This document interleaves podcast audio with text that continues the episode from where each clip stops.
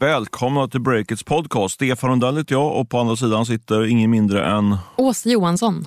Härligt. Och vi har med oss eh, vår sponsor Swedbank här i podden. Och ja, ska vi gå helt ut? Jag hade massa idéer för att inleda den här podden med, men jag tänkte vi kör rakt på på veckans möte tycker jag. Vi har ju veckans möte och veckans snackisar och veckans köp och sälj. Vill du ha, eller du kanske vill säga något annat? Nej, jag tycker att vi kör. Ja. Rakt på sak. Mycket bra. Ska du eller jag köra mötet då? Nej, men jag är nyfiken på ditt möte faktiskt. Ja, du är det? Ja, det är jag. det förstår jag. Eh, jag träffade en uh, riktigt tung källa från en eh, tidigare... Den här personen, hen har tidigare jobbat på en stor advokatbyrå och eh, gav mig eh, lite insyn i den här iSettle-affären. Har du någon koll på iSettle-affären? iSettle-affären det är ju, eh, köptes av eh, Paypal. Precis. Och det var väl att eh, iSettle var på väg mot en börsnotering men stoppades i sista sekund för att sen köpas upp av Paypal för så här, var det så här, 18 miljarder eller någonting. Det är guldstjärna på det här idag. Oj, verkligen så koll. påläst. Exakt, och det var ju också så att de, när de noterades, så, de skulle noteras till typ 10 miljarder och så blev det typ 18, 19 eller några 20 miljarder som de fick. Så det var ju, ingen trodde att de, eller väldigt få som trodde att de skulle sätta det till 10 miljarder på börsen. Så, så, så kom Paypal från, eh, från insidan och, och ryckte dem då, då för dubbla priset. Så det, det där var en riktigt tung affär. Men jag, fick den li, på gränsen till svag. Jag, jag, ingen, jag känner att jag, jag, har inte riktigt så här Filip Hammars möjlighet att eh, eh, talang för att berätta historier. Men jag tycker Jo då, att det här var höra kul, kul story. Ja. Eh, för så här var det. I och med att det var så som den här advokatfirman Källan berättade då, som hade insyn i den här affären. Eh, det var ju verkligen eh, hetsigt där. För, för Paypal eh, fick ju på liksom eld i baken och skulle liksom snabbt eh, sno det här bolaget innan det hann börsnoteras. Så jurister, eh, horder av jurister jobbade dygnet runt för att, för att stänga den här affären. De, satt, de var i Stockholm då eh, och, eh, på, en, på, en, på ett kontor. Men det var ganska roligt, alltså, den här roliga detaljen som jag var rolig att säga som jag fick på det här mötet var att eh, det är ju mycket juridik och man är osäker på varandra och sådär. Så, eh, det var ett stort rum där, i det här, i det här på den här advokatfirman Okej. där alla dokumenten låg som skulle signas då av Paypal och iSettle. Alltså alla papperskopior. Ja men exakt, så de skulle, om jag förstår rätt, signa på dem rent fysiskt. Och eh, de litar inte på varandra de här parterna. Så, så de hade, det här var sista natten då, inför, inför morgon, dagen efter skulle det, skulle det signas. Då hade den här eh, firman som jag hade lite insyn i, de hade tre jurister som liksom satt fysiskt i, på kontoret för att liksom hålla koll på papperna så ingen gick in och ändrade i Alltså dem. de vaktade papperna. Så kan man säga. Men det som var problemet var att eh, den andra firman, de hade bara en jurist. De hade, det var en kille, en ganska junior kille som kom in där vid tio snart på kvällen med uppdraget då att vakta så att inte de, den motparten då gick in och och ändrade på något sätt i motparten med tre jurister. Ja, exakt. Ja. Så det var tre mot en kan man säga. Och de här tre juristerna de var ju ganska, de var ju ganska mm, eh, chill liksom. För de, hade mm. ju, de skulle ju bara sitta där hela kvällen. Så de, eh, så de började prata såklart med den andra killen då. Det var en, kille, den här juristen som satt på eh, ensam, ensam eh, pass då så att säga. Eh, så sa det framåt ett, två sa de så här, vi plockade de in några öl så jag skulle se på lite film och sådär. Och då var, började han så här, kommer det inte komma någon avlösning sa den här killen. Så då hade han, han hade trott att han bara skulle sitta där ett par timmar, men han skulle få, tvingas sitta där hela natten. Och han visste inte om det. Nej, och framförallt då, han vågade inte lämna rummet. Så de satt, han, han, satt, han, blev, han, blev, han blev så kissnödig så han, kunde, liksom- han var tvungen att Åh, sitta liksom, timme ut och timme in där liksom, och, i rummet. Och de andra sa att "Vi- det är lugnt, vi tar, ha, du kan gå ut och gå på toaletten om du vill. Liksom. Han, det vå- vågar han vägrade. nej, Liksom. det vågar man inte lita Nej. på. Så han satt där hela natten medan de andra hade en ganska trevlig natt där med, med filmtittning och eh, öldrickning. Men han bara satt och, och vaktade sina dokument. Det tyckte jag var en ganska rolig Och detalj. faktiskt. plågades. Ja, verkligen. Sen dagen efter så var det också, för att avsluta storyn, så, så eh, var ju alla helt slut och folk sov ju på det här advokatkontoret. Men det var bara en enda person då som den här, eh, den här min källa sprang på under, under den där eh, morgonen som var glad. Det var jag som hade ett stort leende på läpparna. Vet du vem det var? Jag har ju tjuvkikat i manus här, Ja, men det. eh, Jakob De Geer, Exakt. såklart, Han var- grundare av Han var den enda som var glad. Ja. Alla andra var helt slut. Liksom. Och det kan man ju förstå. Han cashade in ett par miljarder där. Ja, alltså, det var mitt möte. han- Vad säger du? Funkar, funkar storyn eller var det Ja, det här för- var en bra story. Jag skulle ju vilja veta mer om den här eh, killen som satt där och vaktade och inte vågade lämna rummet för att de andra juristerna kanske skulle... Vad hände med honom? Vad tog han? Varför tog han inte en Ja. ölflaska? Jag kissade i ölflaskan tänkte jag. Men det kanske man inte kan göra när det andra på. Alltså, mår man så mår man. Jag hade ju dött. Jag Alltså, han, han är typ hjälten i storyn här. Ja, utan honom ingen affär. Hårdvinklat. Exakt. Vi borde hitta honom. Ja, verkligen. Jag tror att jag, min källa kanske kan hjälpa till med det. Vi får se. Jag kan återkomma till det i sådana fall.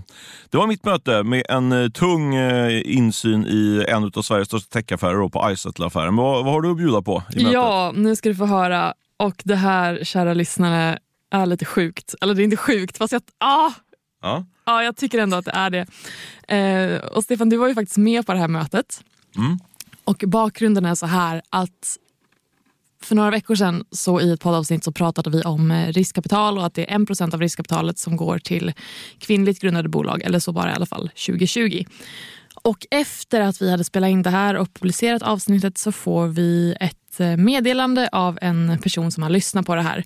Det är en tung investerare, får man väl ändå säga att det var, som tyckte att äh, men vi måste ta en kaffe och snacka om det här. För vi är helt ute och cyklar i vad vi hade för åsikter. Och vår åsikt då var att nej men det är helt sjukt att bara en procent av riskkapitalet går till kvinnor i Sverige. Eh, så vi träffades igår, tog en kaffe och eh, ja, jag visste inte riktigt vad vi hade att- förvänta oss. Var du nervös eller var det bara, kändes det bara kul? Eller? Nej, det känns bara kul. Jag var inte alls Ja. nervös. Eh, Du verkar inte nervös i mötet tyckte jag inte. Jag satt ju lite grann som betraktare vid sidan av. Och Ja. bara, det var lite grann som en pingpongmatch där fram och tillbaka. Ja. Ja, ja men det blev det. Och ganska tidigt i det här mötet så, så sa vi att nej men, mm, nu glömmer vi att vara politiskt korrekt. Nu säger vi vad vi vill säga här. Eh, det var vi tre mellan de väggarna, ingenting annat. Förutom vår podd. Så då. nu kommer till Ja. podden. Så, eh, och den här personen konstaterar ju då först och främst att okej, bland eh, entreprenörer då som söker kapital så är en av nio kvinnor, resten är män. Mycket var ju liksom ändå eh, ett, en ögonvittnesskildring kan man säga. Liksom Ja. sådär. Precis. Så vi har inte riktigt fakta i målet här. men- Nej, det har vi inte. Eh, men enligt den här personen i alla fall. Mm. Och av de eh, bolagen som då söker kapital och faktiskt får kapital så är det fem av tusen som får kapital. Också enligt den här eh, personen. Eh, så det är inte särskilt många. Och då för att komma till frågan då. Varför kastar inte VCs mer pengar på tjejer? Och enligt den här personen då är skälet enkelt. De har inte hittat en product market fit. Och vad är då product market fit? Jo, eh, man ska ha hittat en produkt eh, som har en marknad helt enkelt som löser kundens problem, vad det nu än må vara. Och den här eh, tunga investeraren menar också att media är alldeles för uppslukade av att det är kapitalet det är fel på, inte tjejerna. Och vad är då framgångsreceptet för att man ska få in kapital? Här kommer ett citat. Håll i er nu. Känsliga lyssnare varnas. Personen säger följande. Sluta föda barn, skaffa en ingenjörsutbildning och våga ta risk. För det gäller att äta, sova och andas bolaget. Annars blir det inget bolag. För de första fem åren när du eh, grundar din, din startup så är det det det handlar om och ingenting annat. Det gäller att lyckas med sin business. Det handlar om pengar, för vi tävlar mot USA och Kina. Pengar är eh, jätteviktigt, tid är jätteviktigt och det måste allokeras väl. Det var kontentan. Eh, vi satt och snackade i säkert en timme och en kvart, så att det finns ju absolut mer att säga eh, om det här. Det var lite jobbig stämning ibland i rummet, men ibland var Ah. det hjärtlig stämning. Jag vet inte, men du, jag, vi, har, vi har faktiskt pratat efter det här mötet. Jag, det var lite, vad, hur kändes det? Eh, För du argumenterade emot, men samtidigt var det också att du lite grann eh, hämtade in information kändes det som. eh, Ja, absolut. få- Så min, min agenda med det hela var att lära mig om vad en person som sitter på en sån här stol eh, tycker, tänker och därefter agerar. Eh, och visst, business är business. Det handlar om pengar, det handlar om avkastning. Vi kan bara säga det. Alla vet om det, men vi kan säga det en gång till. Det handlar inte om att göra näringslivet, samhället mera jämställt. Tänker jag enligt den här personen. Eh, eller vad den här personen sa i alla fall. Men jag blir också lite så här, ja men mm, om det här är någon form av, jag vill inte kalla det för standard, men om det här är ett vanligt tänk bland investerare, riskkapitalister, affärsänglar och så vidare. Om det här är ett vanligt tänk bland de personerna, bland de som sitter på makten, ja, då kan vi glömma att mer kapital kommer gå till kvinnligt grundade bolag. Mm. Eller? Har jag ja, fel? Nej, men jag tror att det, ja, det, nej, men det, med den, alltså, utifrån, eh, ja så är det verkligen. Om, det, om alla tänker som, eh, som den här personen så, är, så kommer det bli den effekten. Det, så kan man säga det. Men Okej. vad tycker du? Nu vill jag höra lite mer eh, egna åsikter här. Vad, vad tyckte du om det? Det, det, var, det, var ju, det var den här personens take på det hela. Ja, ehm, jag blev lite skraj. För att om det är en person som eh, inte jobbar med, eh, med riskkapital, inte sitter på den här makten och har den ena åsikten eller den andra, ja, men då får den väl ha det. Liksom. Men nu är det en person som tycker och tänker så här och dessutom sitter på den här makten. Då tycker jag att det är lite skrämmande. Och Dessutom blev jag så här, ja, men jag, fick, alltså jag fick ringa min mamma igår kväll och bara briefade om det här. Och Hon var så här, ah, nej, men kom ihåg att eh, jämställdhet eh, bubblar ännu mer på andra håll än bara det här. Och Hon fick liksom lugna ner mig för jag hade hunnit bli ganska upprörd Ja. faktiskt. Eh, Just för att det är så här, ja, men alltså, om, om, om det här är tänket, men ska vi bara skita i det då? Ska vi bara skita i jämställdhet? Ja, men det kan vi ju inte göra. Men då känns det som att man jobbar mot en himla vägg.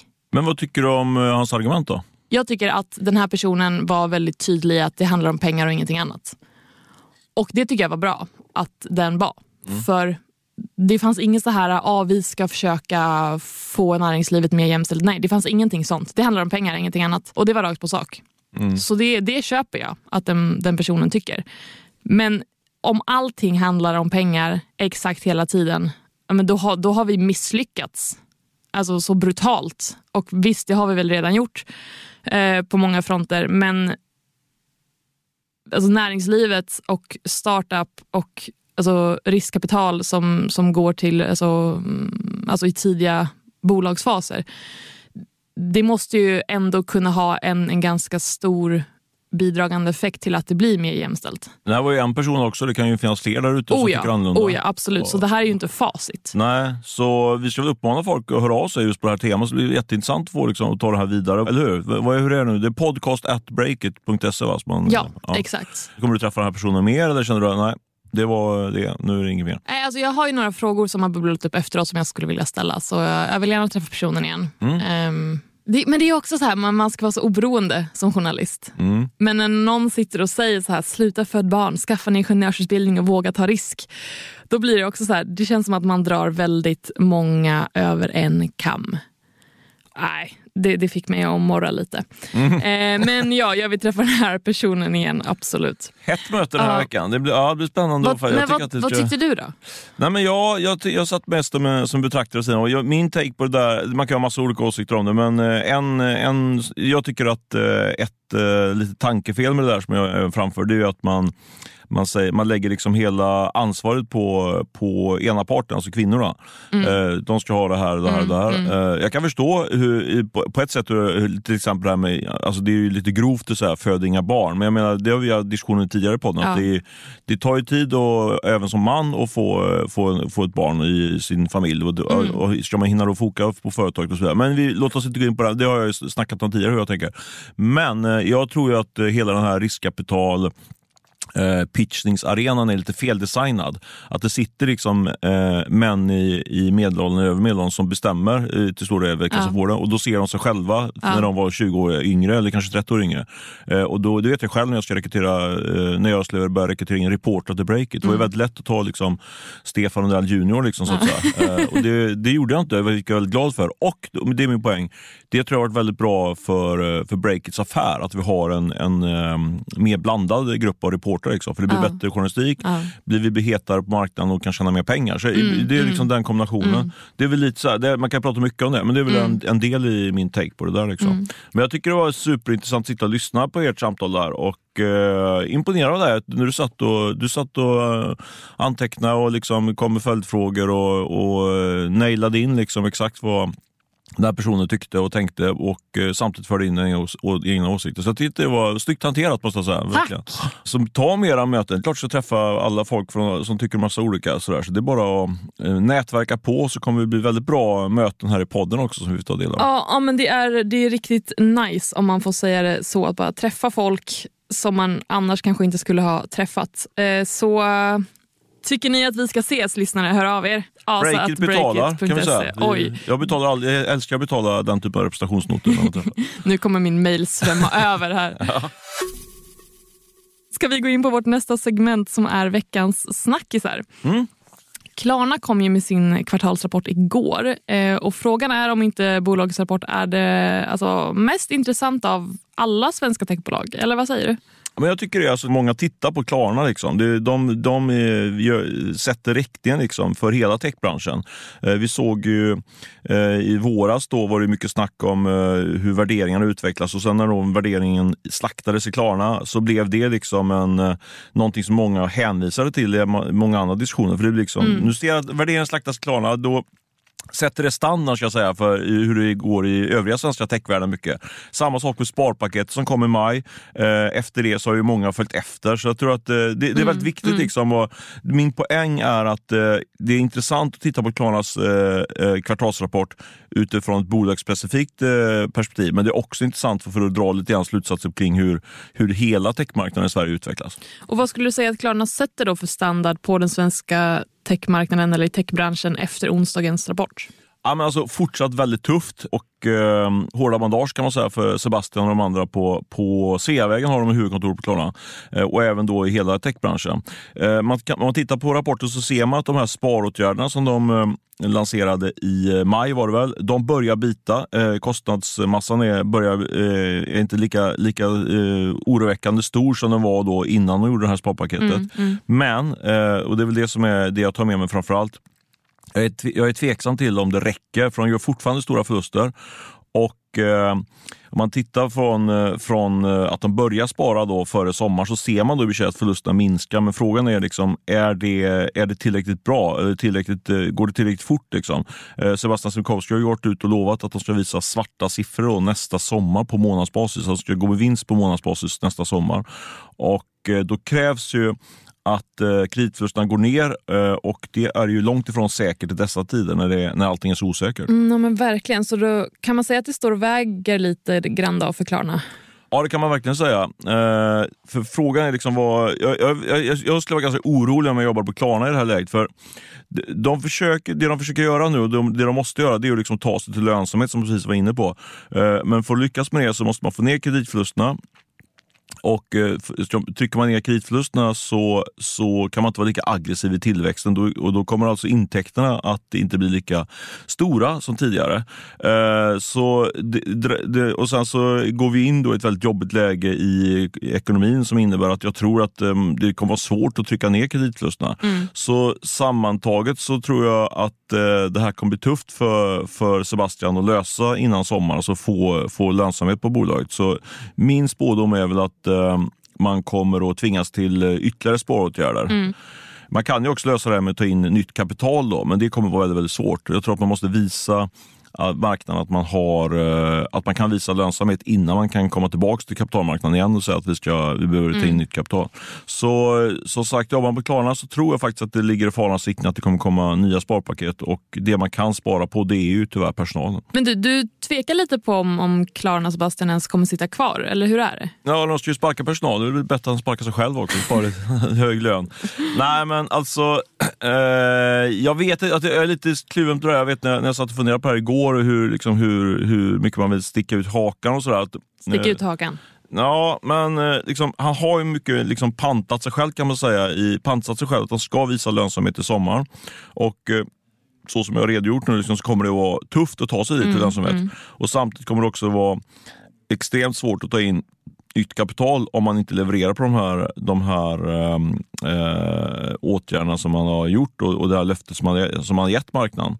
Eh, så Nej, jag, jag, vågar inte säga att, att det är så att han, att han uh, sitter löst, men jag tror att om inte han levererar på de här grejerna så kommer, kommer den frågan resas mer och mer liksom, från olika håll. Liksom, sådär.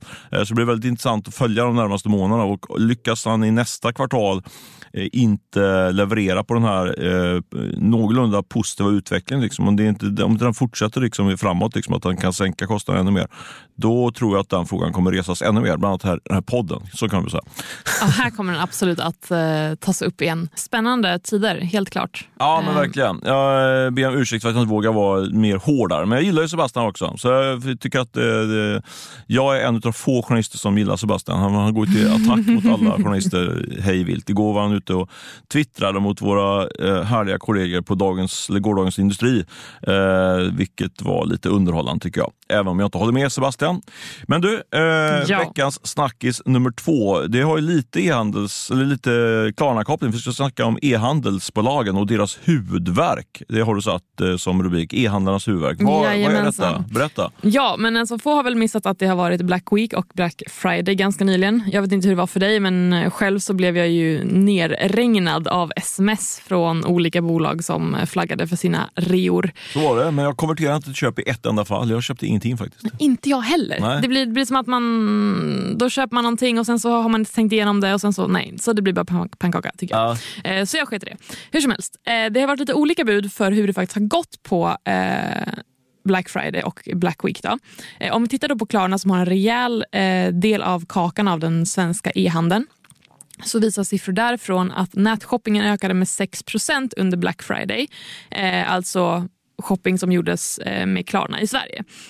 Men samtidigt så visar siffror från Sveabank och Prisjakt att försäljningen under Black Friday minskade med 12 procent eh, och under då hela den här veckan minskade med 9,5 procent jämfört med året innan. Eh, och den här minskning, minskningen kan rimligen förklaras då med att ja, men det är dystra ekonomiska läget och, folk vill hålla i, i plånböckerna lite hårdare. Sådär. Men en, ett bolag som helt klart blev vinnare här var klädbolaget Boost ehm, som eh, berättade att de upplevde ett mycket starkare tryck under november än, än förväntat och genomförde framgångsrikt eh, sina kampanjer och speciellt under eh, Black Friday-veckan där de slog försäljningsrekord. Lite splittrad bild då kan man säga utav Black Friday, eller vad ska man säga? Ja, absolut. Men eh, samtidigt kan man ju säga att om man, liksom, om man tittar, om då, Klarna sticker ut då eh, och Boost som, eh, som pekar på att, att det varit en uppgång så att säga. Då. Men, men det handlar ju om, den här uppgången är ju driven liksom av, som vi var inne på i början, då, mycket kampanjer. Det låter ju ganska rimligt att man kör mycket kampanjer för att driva försäljningen i lite sämre tider, eller? Ja, precis. Man handlar mer när de här kampanjerna är, då, men inte så mycket annars. Och Det här är då sämre marginaler för de här bolagen i och med att de, alltså man säljer mer när priserna är sänkta. Men hur ser det ut nu då i e-handlarnas lager inför julhandeln som nalkas? Här? Vad har du, jag vet att du har grävt lite grann i, eh, i eh, storleken på lagren på e-handlarna. Det är ju en viktig faktor. Ja, precis. Eller så här. Jag eh, tog hjälp av vår eminenta reporterkollega Martin Hävner som har stenkoll. Du är för snäll mot Martin. Jag snodde ju hela Martins Klarna-analys utan att ge honom cred. Men eh, du creddar honom. Ja, men det är bra. Ja, men jag är också alldeles för snäll, men jag, jag, jag jobbar på det där. Snart kommer jag bli en riktig, Som riktig snor, precis som jag hela tiden. attackhund. Det är mitt mål, att bli en attackhund. Underbart. Anyway, eh, så kläder som, eh, som säljs nu de plockades in av bolagen i slutet av förra året. Då var det också fraktkris, ska sägas. Och Vad innebar det? då? Jo, eh, dels så tog man hem lite extra kläder för det var långa ledtider så man ville liksom beställa hem allt på ett bräde så att det inte tar slut och då måste man göra en till beställning men så kanske det blir mäckigt med frakten och så vidare. Dessutom så var man då tvungen att att lägga till lite extra volymer i sina beställningar för att få prio i fabrikerna i, då, eh, i Asien. Dessutom så var det en ganska bra efterfrågan då i slutet av förra året och början på det här året. Det var ju pandemidrivet fortfarande. Mm, ja. exakt. Så lagren började fyllas upp, men vad hände sen? Jo, när lagren fylldes upp så började också efterfrågan avta sakta men säkert under våren. Eh, när, eh, ja, när, när krisen började puttra, helt enkelt. Så vad man kan säga nu är sammanfattningsvis att många sitter fortfarande på ganska stora lager. Och om vi tar ett exempel då är ju e-handeln Revolution Race som säljer outdoorkläder. Och enligt deras senaste rapport som, sträcks, som sträckte sig fram till september så har de, eh, ja, de har jättefyllda lager helt enkelt. Eh, men deras nya vd Paul Fishbein eh, verkade inte vara så stressad över det här trots allt. Men alltså, jag kan lite grann förstå eh, Fishbein, för de- deras lag, de säljer ju mm, de säljer ju inte kläder som är liksom eh, helt tidlösa, så att säga, men de har ju ändå, det är liksom inte, extrem, det är inte sådär eh, vecka för vecka-mode. Liksom, så de kanske kan känna sig hyggligt komfortabla med ett större lager. Men om man tittar på ett sånt spelare som H&M då, de, de jobbar ju mycket mer med, med tidsbundet mode. Eh, då vill man ju inte sitta med stora lager med kläder som, är, ja, som riskerar att vara out of style. Exakt. Eh, så det helt klart. Och vad, vad man kan tänka på nu är att ja, men, nu så kommer det snart bli ännu kallare ute. Vad händer då? Elpriserna går upp Och det har vi ju redan eh, snackat om, eller alla har väl snackat om elpriser vid det här laget. Samtidigt så tickar räntorna på, man ska köpa lite julklappar och sådär. Så man är nog inte supersugen att shoppa mer än vad man egentligen måste nu framöver. Och då tror jag att det kan bli lite jobbigt för eh, H&M och liknande aktörer eh, med att, att liksom få sina lager tömda. Man måste verkligen rea, rea, rea ut det här. Eh, men som sagt, då blir det också sämre marginaler för de här bolagen när man tvingas sälja till lägre priser. Men bra för oss som konsumenter då, kan shoppa till reapriser. Ja. Men du, jag tänker så här. Eh, vi ska gå över på en liten gissningslek här mm -hmm. i e-handelsvevan. Eh, det kom en granskning nu för någon dag sedan eh, från Market som har eh, tittat på Sveriges 200 största e-handlare och det har visat sig blivit ett, ett skifte i toppen det senaste året. Mm. Eh, och nu har Boost tagit tronen med en omsättning på närmare 5,7 miljarder kronor för 2021. Och då tänkte jag att du ska få gissa. Nu är Boost i toppen. Vem är tvåa? Mm, ja, jag läste aldrig den artikeln så, det, vet, så jag, det har jag verkligen ingen eh, förhandskunskap på. Men jag trodde faktiskt att Apotea var störst, men det är de inte. Jag, jag gissar på Apotea två då. Det är Dustin. Ja, just det. Två. Dustin, just det. Så det där bolaget som man är lite osäker på om det verkligen är en e-handlare inte. Men uh, det är för att det är en traditionell... Ja, men absolut. Dustin. Vad Apotea då? ligger de då?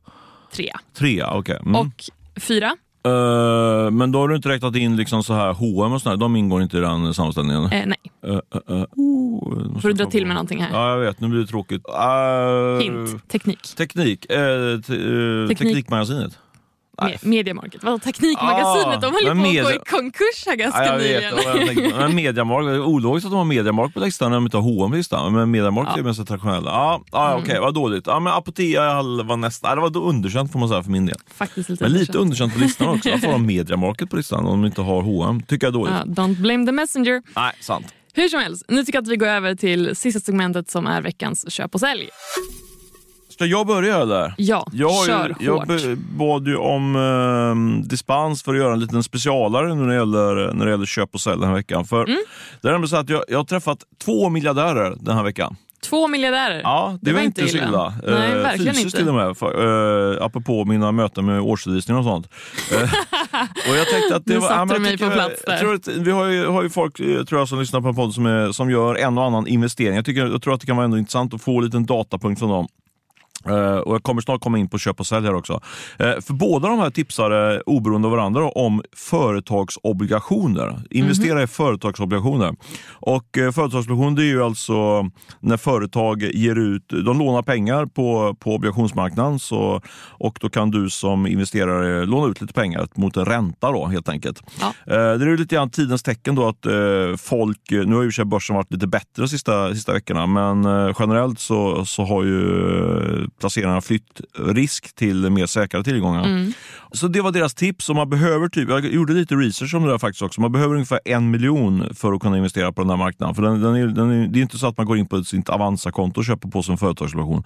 Men det går nu att köpa eh, förhållandevis säkra papper till och du kan få ränta på 10-15 procent. Det är ju fantastiskt bra. Mm, eh, och Då är det alltså i företag som är väldigt stora, stabila, som, eh, eller halvstabila kan man säga. De är inte som är, men liksom, stor, för det, det man riskerar är ju liksom att bolaget eh, inte kommer lyckas betala sina, sina räntor.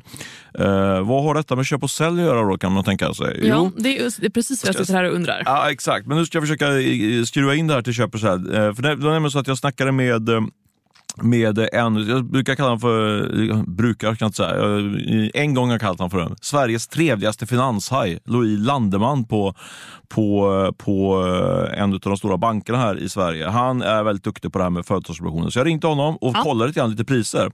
Och eh, därmed kan jag då utse eh, köp och sälj. Och jag säger, sätter köp och sälj på Alexander Hars. Eh, för att få till ja, en eh, person du, här. Ja. Det får du förklara. Shit vad det var dålig ingång på allting, men så här är det. Alexander Hars, han är ju nämligen, eh, det här är intressant, det här är lite nytt faktiskt. Han är ju ordförande i Desennium som har haft en väldigt jobbig utveckling på, på Stockholmsbörsen. Ja. Och eh, den, de har också gett ut en företagsobligation. Och man, jag, med hjälp av Louise Landeman där fick jag reda på vad den handlas till då på, på marknaden. Och om du nu investerar i den där företagsobligationen, då kan du alltså få 47 procent i ränta på, den där, eh, på, det, på din insatskapital. 47 procent i ränta? Det är ganska bra. Men, va, men det är också, nyheten är, är ju liksom att eh, det innebär att obligationsmarknaden, de tror ju inte, de, de tror inte att, pengarna, att de kommer lyckas betala tillbaka de här pengarna. Så det är ganska intressant. Det, det har ju snackats mycket om eh, att det ska göras en nyemission i Desenio eh, på börsen och det där är ju en väldigt tydlig indikator på att de som investerar i skuld, de tror ju inte alls på Desenio utan de, de tror att de kommer att få väldigt svårt att betala tillbaka det här lånet och därför sätter jag sälj då på Alexander Hars. Uh, kommer återkomma med en liten artikel förhoppningsvis om det där i, på Breakit. Men jag sätter också, sätter också köp då på Alexander Hars, han är nämligen ordförande i något bolag som heter Go North. Mm. Känner du till dem eller? I, ska inte de köpa en massa bolag? Mm. E-handlare som, är, som säljer grejer på Amazon. ja, som köper upp så dem. var. Ja, ett halvt rätt till mig då. Ja, jättebra. Eh, Du har bra koll alltså, måste jag. Jag är imponerad. Thank you. Men där jag faktiskt köp. För om man tittar på, på den där marknaden eh, så eh, på hur den handlas på, eh, på eh, företagsobligationsmarknaden så kan man nu få en eh, ränta på 13 procent om man investerar i Go. Och där, eh, om man tittar på hur den handlas på den där marknaden så, visar, så är det till och med en liten premie.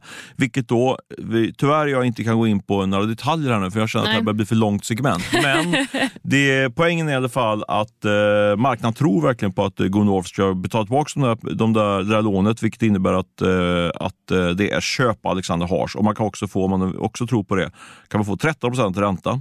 Så det är väl ett bra köpråd om man vill sig in på företagsobligationen marknaden. Så, och om du har en miljon över så kanske du ska pumpa in pengar i något av de där. Vad säger du? En miljon över. Ja. Ja. Men du är ju granskad journalist också så du får inte investera i den här typen av bolag. Nej, jag får inte göra det. Så jag håller min miljon utanför. Ja, det var mina köp och sälj. Så köp och sälj på Alexander Hars den här veckan. Eh, nu får du köra dina köp och sälj. Starkt. Yes, jag kör. Jag sätter faktiskt köp på Ikea.